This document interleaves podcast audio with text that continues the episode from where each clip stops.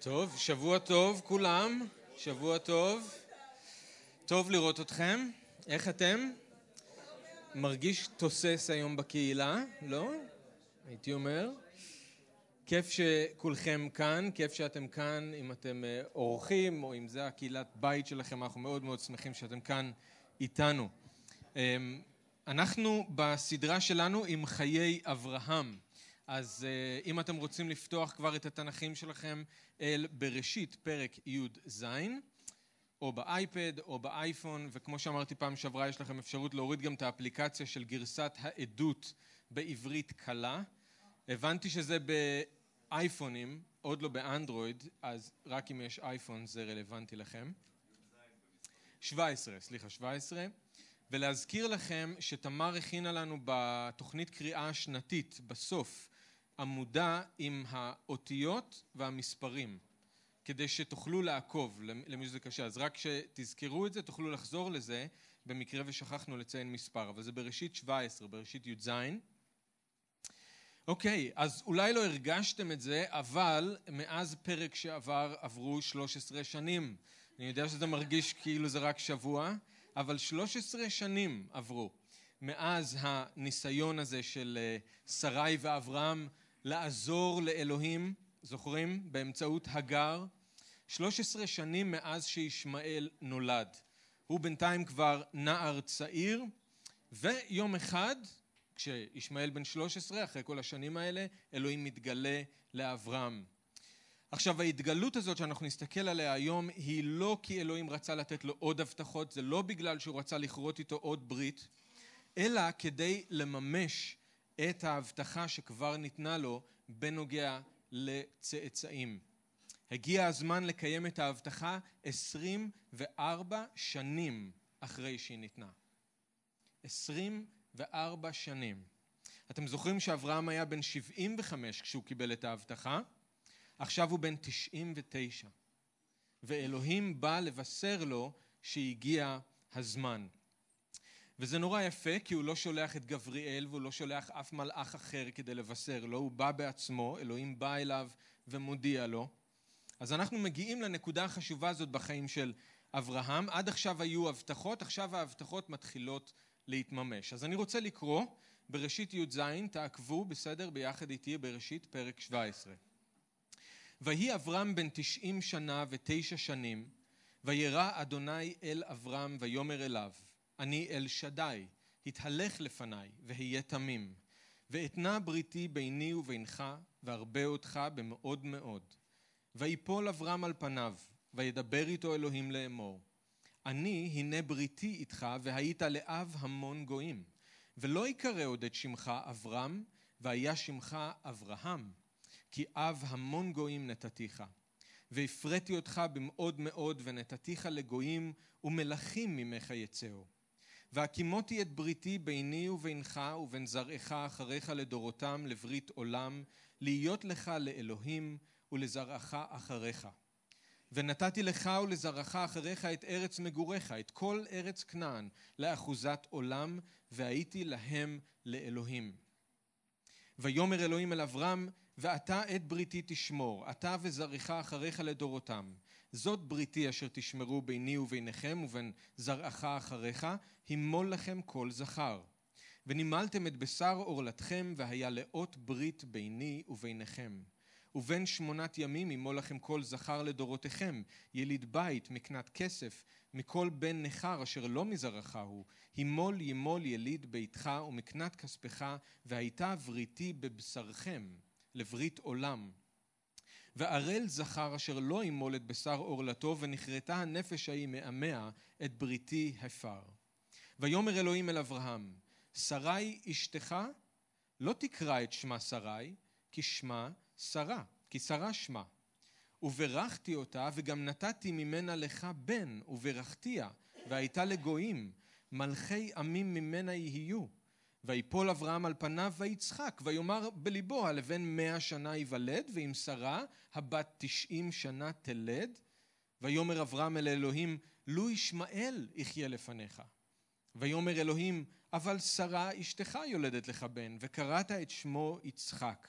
והקימותי את בריתי איתו לברית עולם לזרעו אחריו, ולישמעאל שמעתיך. הנה, ברכתי אותו והפרעתי אותו והרביתי אותו במאוד מאוד שנים עשר נשיאים יוליד ונתתיו לגוי גדול. ואת בריתי אקים את יצחק, אשר תלד לך שרה למועד הזה בשנה האחרת.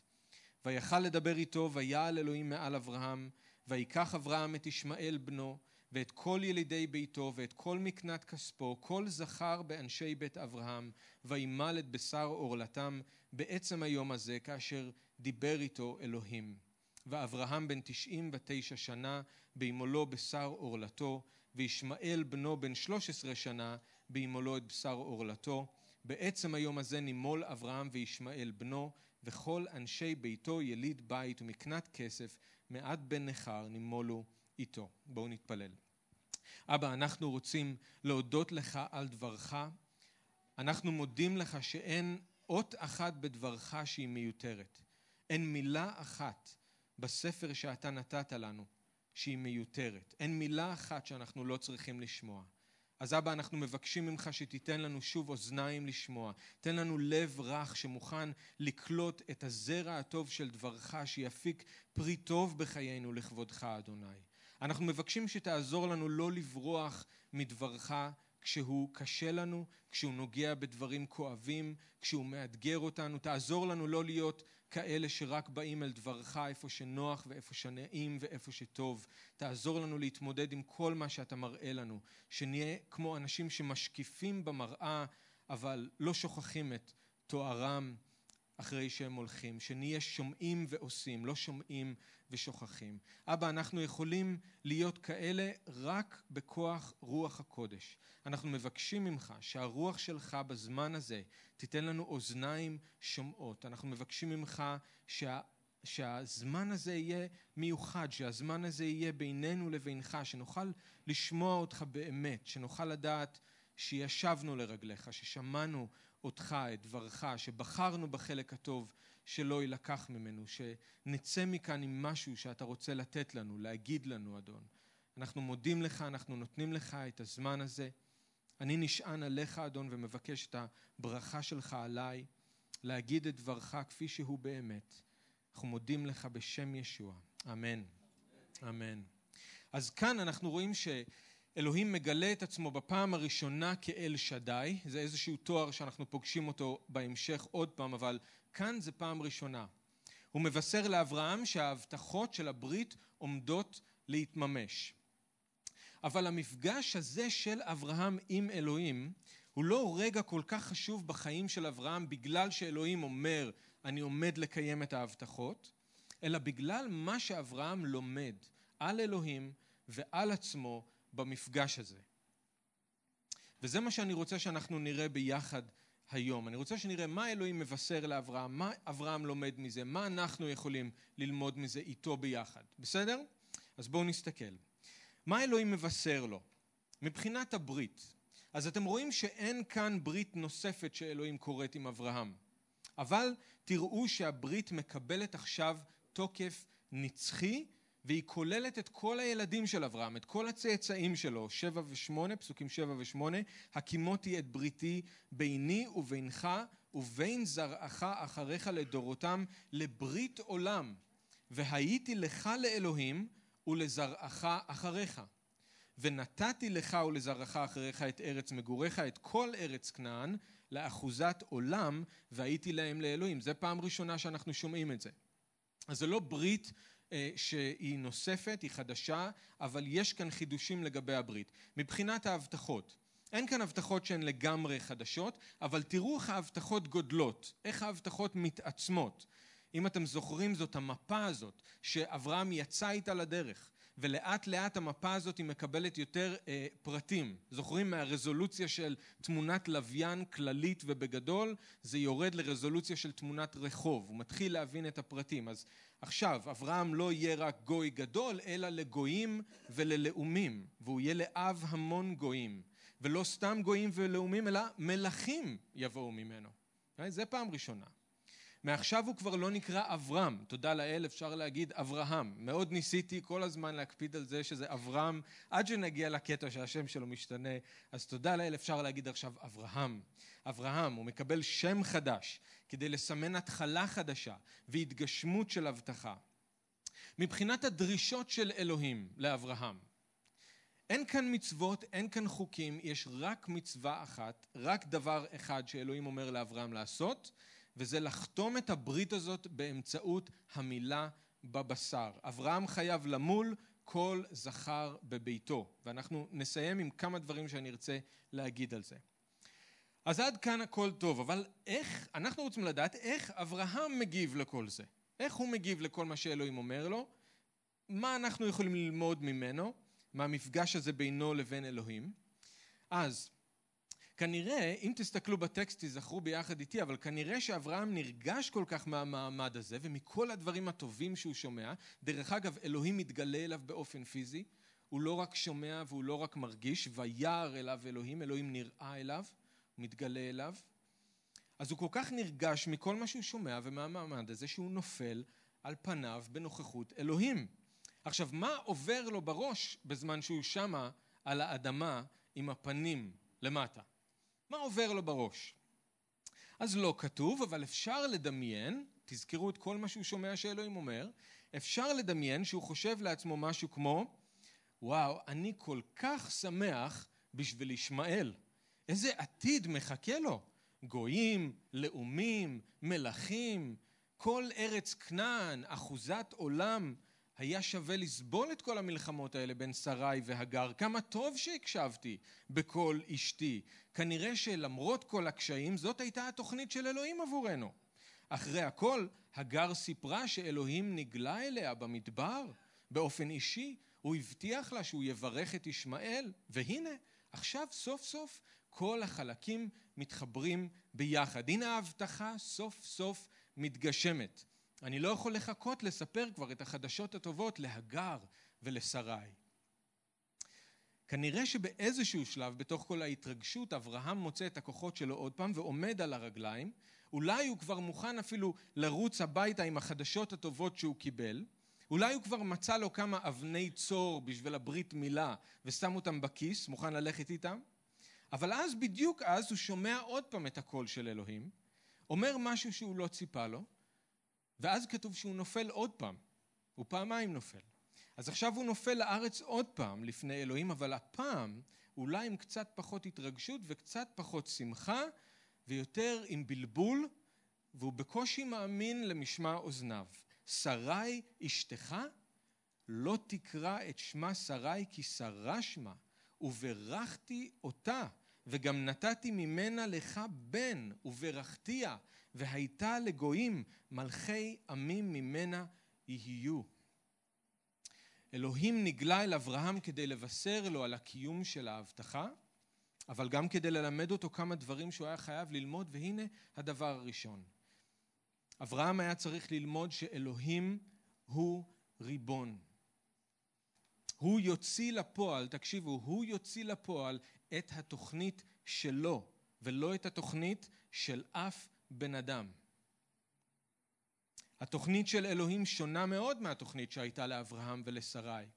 במילים של שלמה, רבות מחשבות בלב איש, אבל עצת אלוהים היא תקום. במילים של ישעיה שמכריז את דבר אלוהים, כי לא מחשבותיי מחשבותיכם, לא דרככם דרכי נאום אדוני, כי גבהו שמיים מארץ, כן גבהו דרכי מדרככם, ומחשבותיי ממחשבותיכם. אף אדם לא יכול לעמוד בדרך של אלוהים ולשנות את מה שהוא קבע שיהיה, או להכתיב לאלוהים איך ומתי לפעול. אלוהים לא צריך עזרה מאף אחד בהגשמה של ההבטחות שלו. הוא לבדו ריבון, הוא אלוהי כל בשר, ולא יפלא ממנו דבר. כתוב לנו באיוב, עמו חוכמה וגבורה. לא עצה ותבונה, הן יהרוס ולא ייבנה, יסגור על איש ולא ייפתח. כתוב לנו בדניאל שאלוהים הוא העושה כרצונו בצבא השמיים וביושבי ארץ, ואין מי שימחה בידו ויאמר לו, מה עשית? התוכנית של אלוהים הייתה לתת לאברהם בן משרה, וכך יהיה. העקרות של שרה לא הבהילה את אלוהים, את אלוהים, הגיל המבוגר, של אברהם לא היה מכשול בשביל אלוהים, התוכנית לא נתקלה בקשיים טכניים, אלוהים פשוט חיכה לזמן, לזמן שהוא יעד מראש לפי התוכנית שלו, לפני 24 שנים. הוא ידע שהיום הזה יגיע.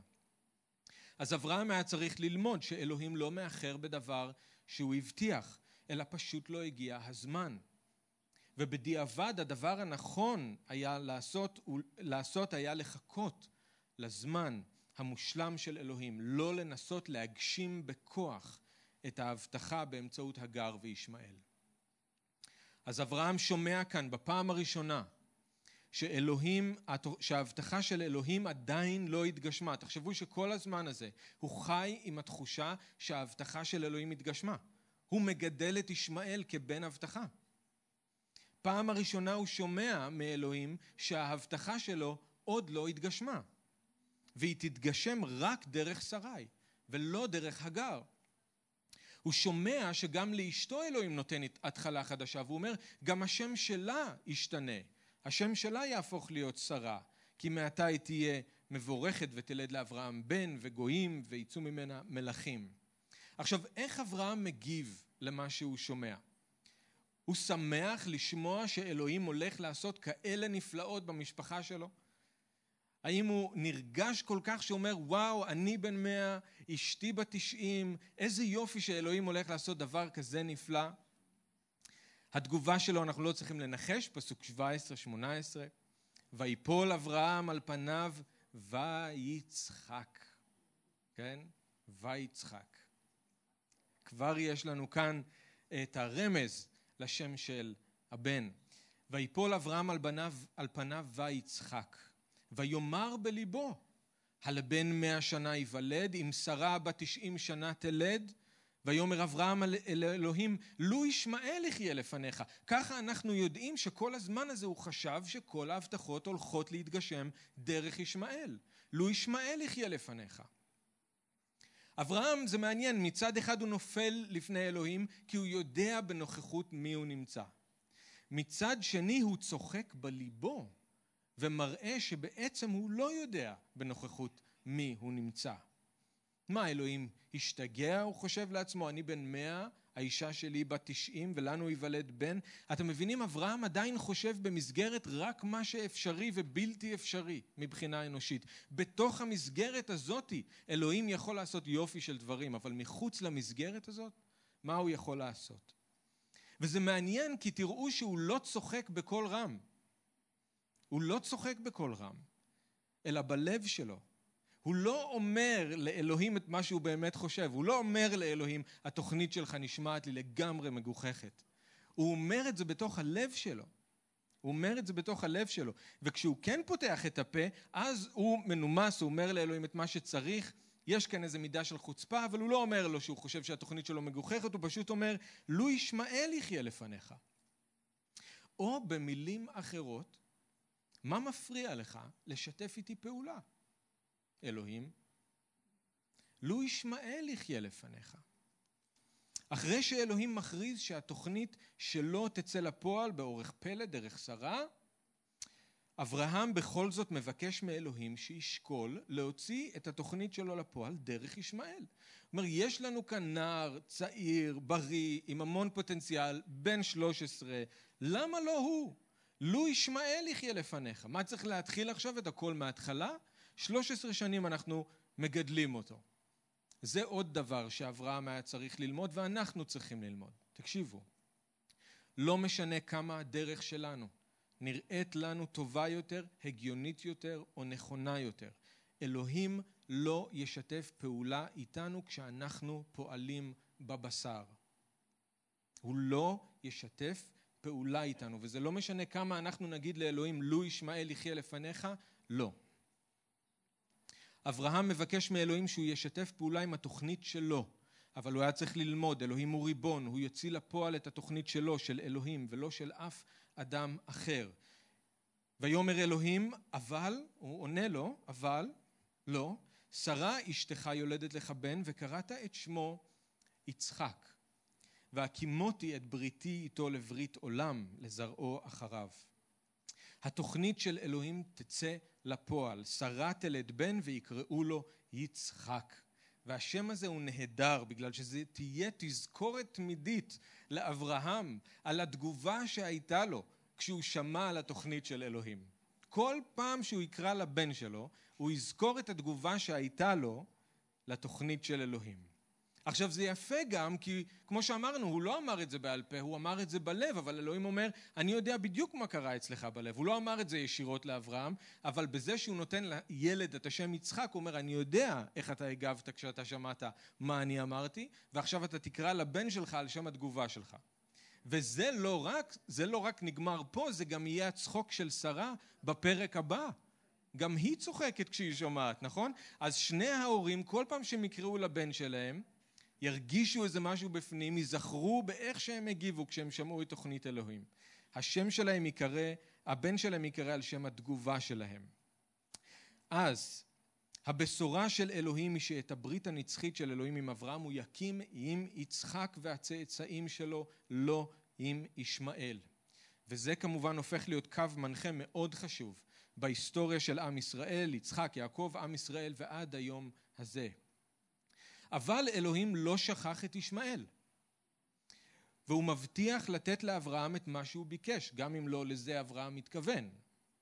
הוא מברך את ישמעאל, הוא מבטיח שגם ישמעאל יהיה לגוי גדול, וגם ממנו 12 נשיאים יבואו, מה שאכן מתגשם, ואנחנו רואים את זה בפרק כ"ה בהמשך. אז זה שיעור לא פשוט בשביל אברהם, אבל הוא היה צריך ללמוד שאלוהים הוא ריבון. עוד משהו חשוב שאברהם היה צריך ללמוד במעמד הזה.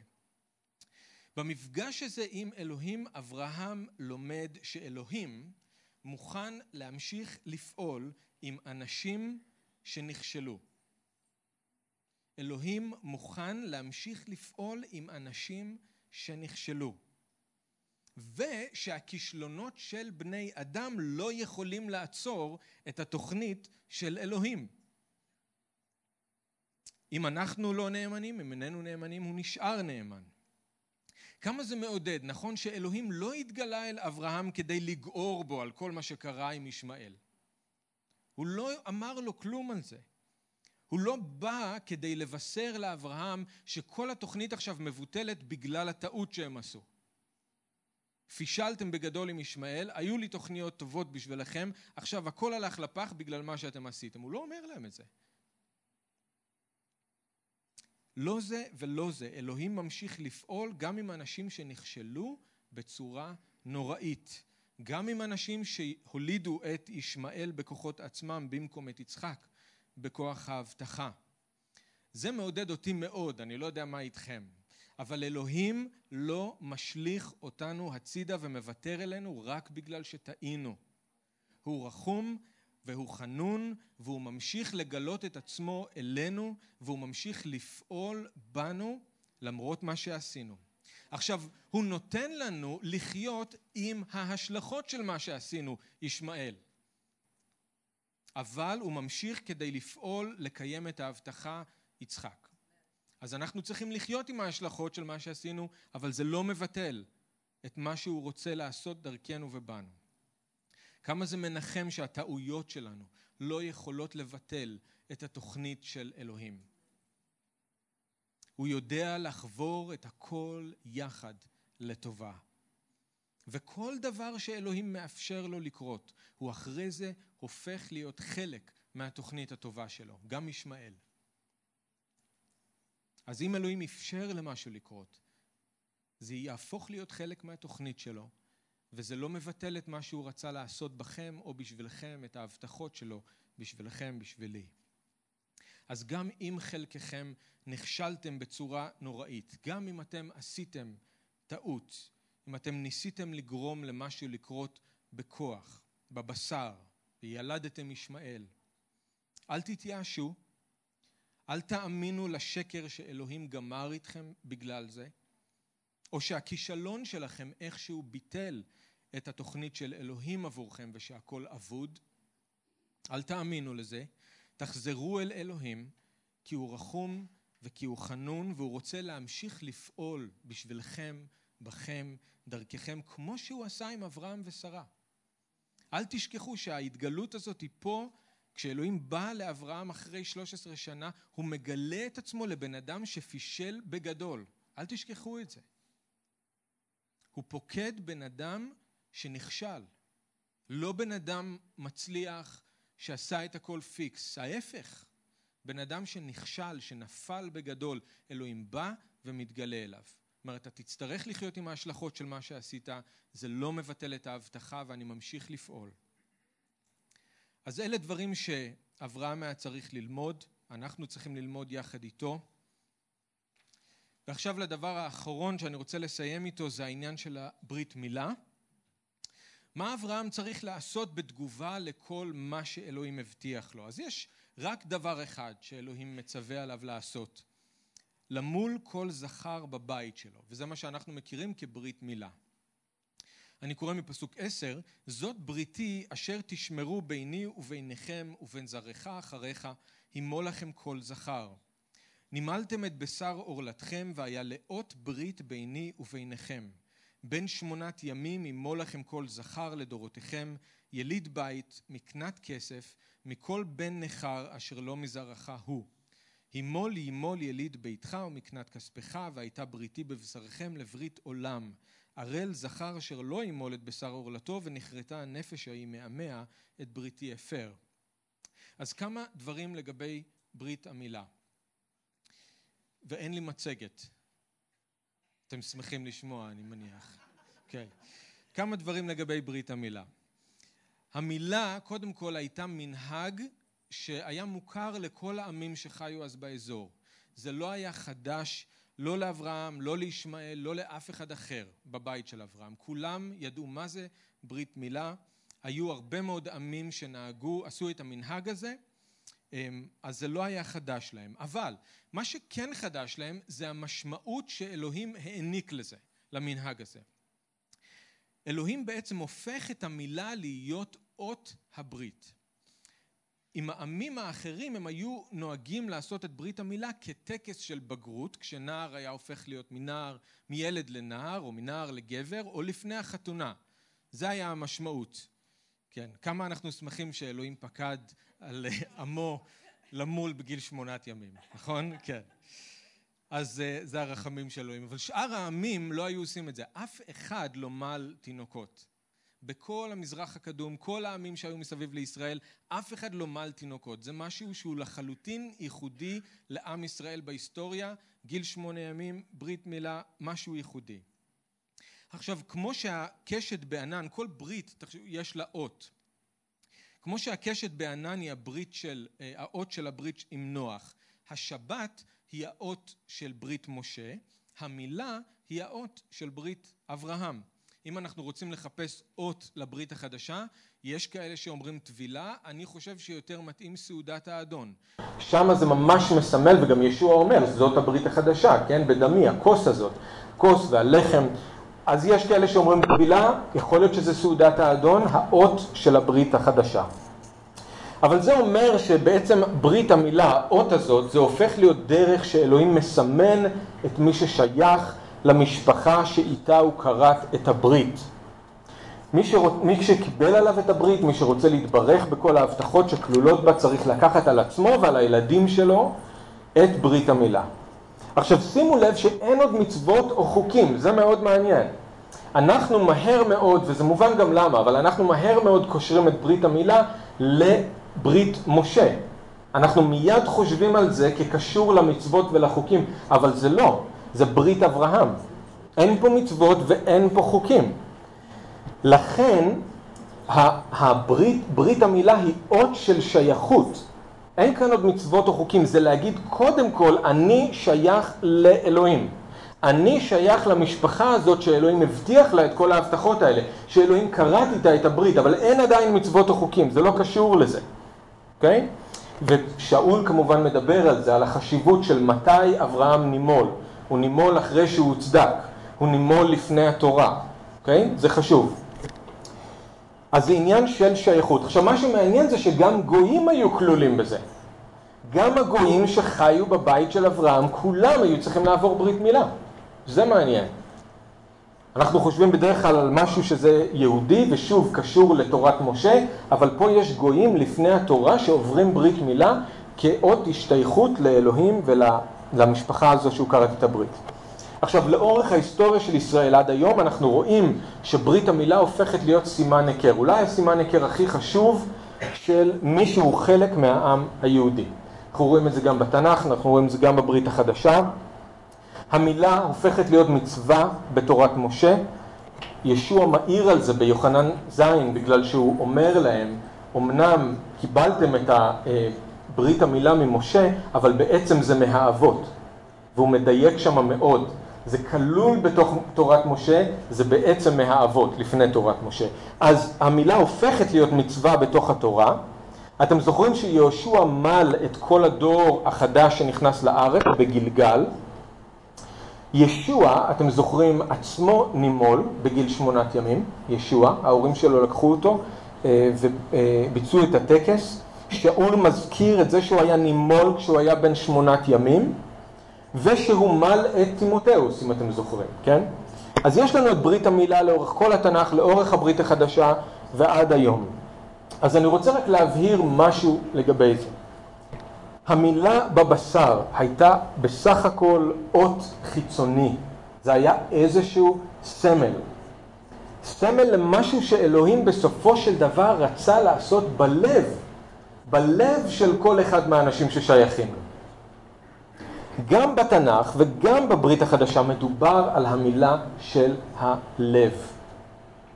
תראו מה משה אומר לעם ישראל. משה, שנתן את התורה, שבה יש מצווה למול את הילדים.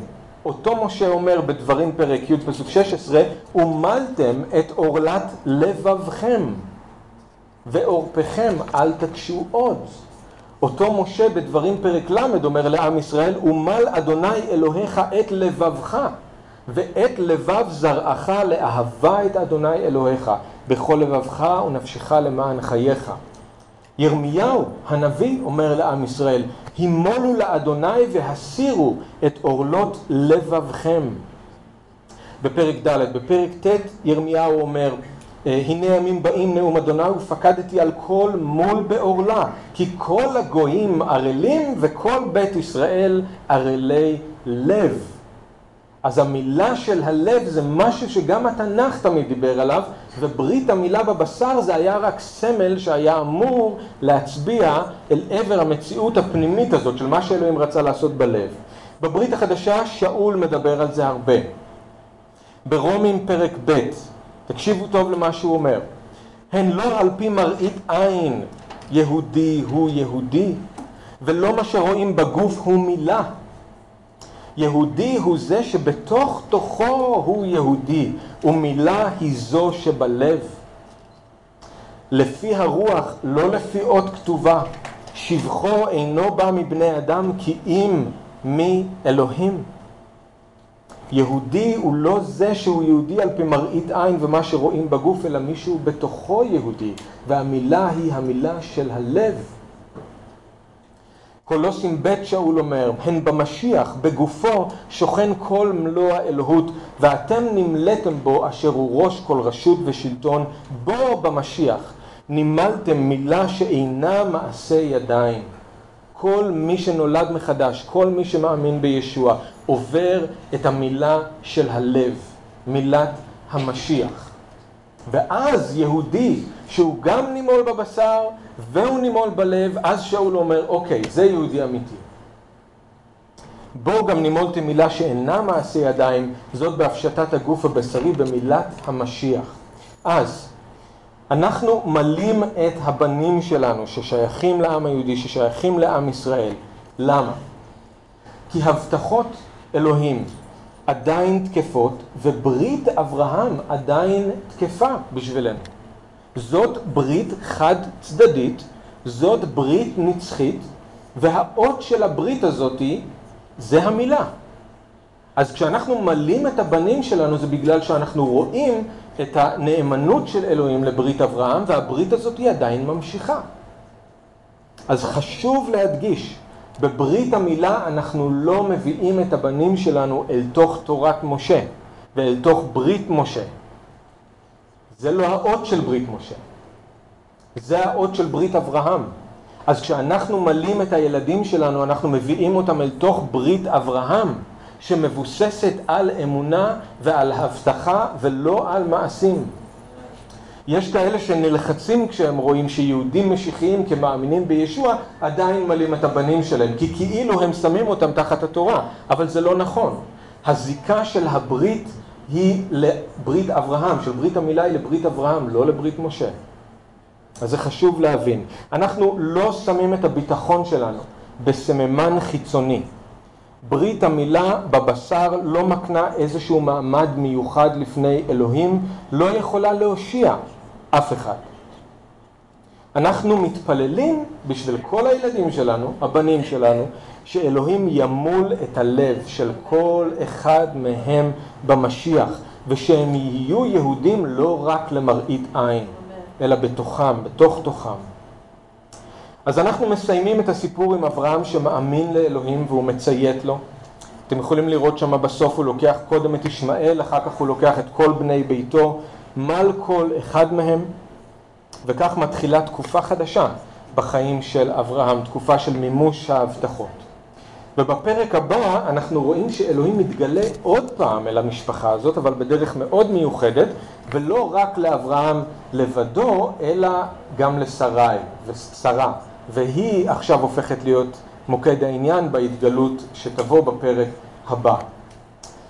אז בואו ניקח לתשומת ליבנו את כל מה שאברהם למד דרך המפגש הזה עם אלוהים ואנחנו יכולים ליישם לעצמנו ובואו נזכור לגבי ברית המילה שזה רק סממן חיצוני שמצביע על דבר הרבה יותר גדול והרבה יותר חשוב וזה מילת המשיח בלב. אוקיי? Okay? אז בואו נתפלל ביחד. אבא יקר, אנחנו רוצים להודות לך על דברך, אנחנו מודים לך שדברך הוא כנר לרגלינו, כאור לנתיבתנו. אתה לא משאיר אותנו לעולם להתהלך בחושך, אלא אתה בא ופוגש אותנו, בא ומדבר אלינו, והרוח הטובה שלך מנחה אותנו איך לעשות את רצונך, איך להתהלך איתך ביחד, וחשוב מהכל איך למצוא חיים בך. אדון, אנחנו מבקשים ממך, מבקשים ממך את החסד, ללמוד את השיעורים החשובים שאברהם למד כשהוא נפגש איתך בנוכחות שלך אל שדי, כדי שאנחנו לא נחזור על אותן טעויות. עזור לנו, אדוני אלוהים, לא לנסות לעשות שום דבר בכוח, לא לנסות לעשות שום דבר בבשר. אנחנו רוצים להיכנע לך, לקוות לך, לחכות לך, לבטוח בך, אדון. שברגע הנכון, כשהכל נכון בעיניך, אתה תגשים כל הבטחה ואתה אינך מאחר בדבר. עזור לנו, אדוני אלוהים, לא לבטוח אנחנו בבשר שלנו, אלא להביט אליך המשיח. ואם אתה עוד לא מלת את הלב שלנו, אנחנו מבקשים שתמול את ליבנו, ישוע, אפילו היום. אם יש כאן אנשים שעדיין לא מכירים אותך, לא יודעים אותך, ישוע, כאדון ומושיע, אנחנו מבקשים שגם הם יגלו שאתה הדרך, האמת והחיים, ושבך, ישוע, אפשר לעבור מילה שהיא הרבה יותר חשובה מהמילה בבשר, המילה שבלב. אנחנו מבקשים ממך, אדון, שתמשיך לפעול בחיינו, תמשיך לברך אותנו ולהדריך אותנו, ואנחנו ניתן לך את כל הכבוד, בשם ישוע. אמן.